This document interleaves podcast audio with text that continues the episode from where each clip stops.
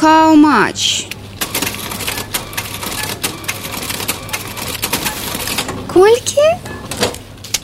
Добры дзень з вами рубрика хау-матч у якой мы подводзім галоўныя эканамічныя вынікі тыдня сёння мы паговорым пра дэфіцыт лекараў і пра спробы уладаў з ім змагацца і пра тое як карысць ад добрых законаў дэвальвуецца праз неабавязковасць іх выканання Чым далей тым больш дэфіцыт медыкаў становіцца адчувальнай праблемай для беларусі на пачатак года ў беларусі не хапала 6 тысяч дактароў і 4 тысяч медсестёр да восені дэфіцыт лекараў скараціўся до 5 тысяч чалавек але насамрэч хутчэй за ўсё гэты паказчык вынік маніпуля але насамрэч хутчэй за ўсё гэты паказчык вынік маніпуляцый са статыстыкай бо лекараў болей не стала. І вядома гэтая праблема непакоіць улады. Вядома яны думаюць што з ім з гэтым рабіць вось на гэтым тыдні падпісаны закон які павялічвае адпрацоўку пасля ардынатуры з двух гадоў до 5 і гэта вельмі прадказальнае рашэнне такое ж арыгінальнае як павелічэнне тэрмінаў адпрацоўкі для выпускнікоў бо нічога новага улады тут прыдумаць не здольныя Да і гэта даволі лакальная мера. Яна не можа глобальна вырашыць праблему недахопу медыцынскага персонала. А ўладам хацелася б вядома вырашыць яе глобальна. Яны зараз у гэтым кірунку напружана думаюць. Вось что сказал Александр Лукашенко. Да, у нас где-то там не хватает врачей и прочее, потому что некоторые врачи сбежали с своей профессии, черт знает, чем занимаются. Но со временем мы эту проблему решим. Есть у меня варианты, но это не сейчас. Мы ее решим в ближайшее время. Ты врач, иди работай. Нет, положи диплом. А диплом не хотят. Ну, слушайте, 6 лет учиться и диплом бросить. Никто не хочет. Врач человек от Бога. Так если ты не работаешь, какой, какой ты дипломированный врач? Падаецца, што пагроза тычыцца толькі тых лекараў, якія сышлі з прафесіі. Пайшлі ў айці, лагістыку, бізнес яшчэ куды-небудзь. Але насамрэч, я думаю, што задумка значна шырэйшая. Насамрэч, яна накіравана ў першую чаргу супраць тых дактароў, якія працягваюць працаваць дактарамі але толькі ўжо не ў беларусі Таму што галоўная праблема гэта ўсё ж адток медыцынскага персаналу за мяжу дакладных дадзеных па тым колькі медыкаў з'ехала няма але па стане на восень мінулого года толькі ў Польшы працавалі больш за тысячу беларускіх дактароў. А калі казаць пра агульную лічбу тых хто з'ехаў дык хутчэй за ўсё гаворка ідзе пра некалькі тысяч чалавек. Ну вось просто уявіце калі доктар працуе за мяжой як ён давядзе беларускай дзяржаве што ён працуе доктарам? Не значыцца ў рэестрах значит не доктар. Не доктар значит трэба забраць у яго дыплом. Ізноў тая ж логіка што з абавязковай адпрацоўкай для ўсіх студэнтаў без выключэння. Ці з забаронай на выдачу пашпартоў за мяжой паколькі ўтрымаць людзей по-добраму не атрымліваецца паколькі ў стварэнні пазітыўных стымулах улады не ўмеюць дык уход ідуць негатыўныя. Не хочаш дык мы зараз прыдумаем як цябе прымусіць. Іншая справа што практычнай карысці ад гэтай мэты нават калі яна калі-небудзь будзе прынятая будзе прыкладна столькі ж колькі ад адмены выдачы пашпартоў за мяжой. Гэта значыць шмат шуму, а эфекту нуль.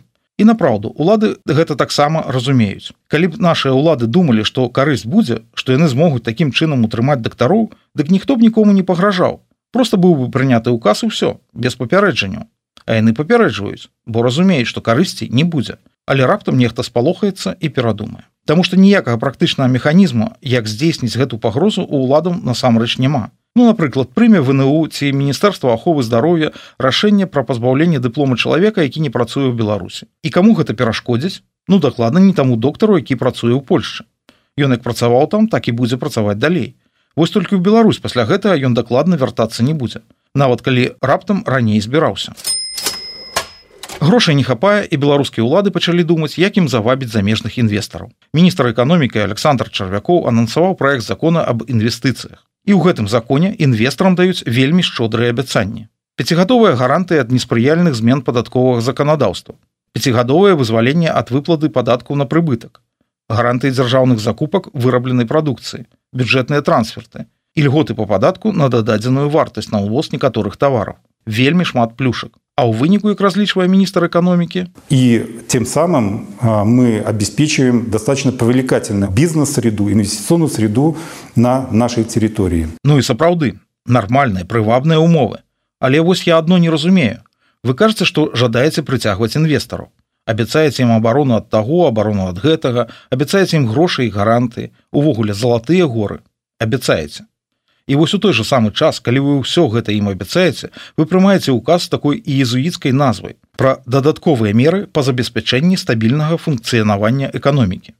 І па гэтым жа указе інвестор з несяброўскіх краінаў, які хоча прадаць свой бізнес, каб сысці з Беларусі, павінен заплаціць беларускай дзяржаве ўнёсак у памеры 25соткаў ад кошту сваіх актываў. Вот что кажа премьер-министр Роман Головченко. Значит, у всех есть определенные обязательства между собой.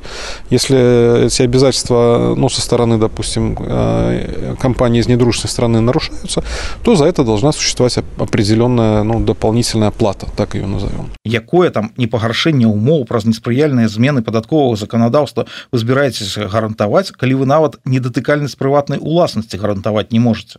Якое спрыяльнае бізнес-асяроддзе ў краіне, дзе ўлада рэгулюе кошты, дзе за перавышэнне ўзроўню коштаў могуць аштрафаваць арыштаваць ці ўвогуле пасадзіць у турму і адмаўляцца ад рэгулявання коштаў дзяржава не збіраецца дзяржава лічыць што яна мала рэгулюе кошты што кошты трэба рэгуляваць больш вось што сказаў александр лукашенко посмотрим что правительство сделало за это время чтобы мы могли цены держать возле себя за руку их И вот э, три дня назад я как раз по этому вопросу, можно сказать, допрашивал Снабкова, он отвечает правительство за это. И он согласился, что еще есть жирок, который можно шлифовать там у наших производителей и торговли. Або вось нядаўна была гісторыя, калі прадпрымальніка аштрафавалі на 74 рублі за падатковае парушэнне на суму ў 34 здаецца капейкі. І справа ж нават не ў тым, што сума санкцыі ў 200 разоў большая, чым сума парушэння Чалавека ж яшчэ і душу дасталі каб гэтае парушэнне ў яго знайсці. Насамрэч устойлівае развіццё грунтуецца не на адным ці двух нейкіх кулуарных праектах на мільярд долараў. Вось такі праект быў з кітайцамі на светлагорскім цК кітайцы ў выніку сышлі доўг застаўся камбінат не дабудавалі аснова для устойлівага развіцця масавы інвестор сярэдні бізнес інвестыцыі на некалькі мільёнаў нават некалькі сотняў тысяч долараў.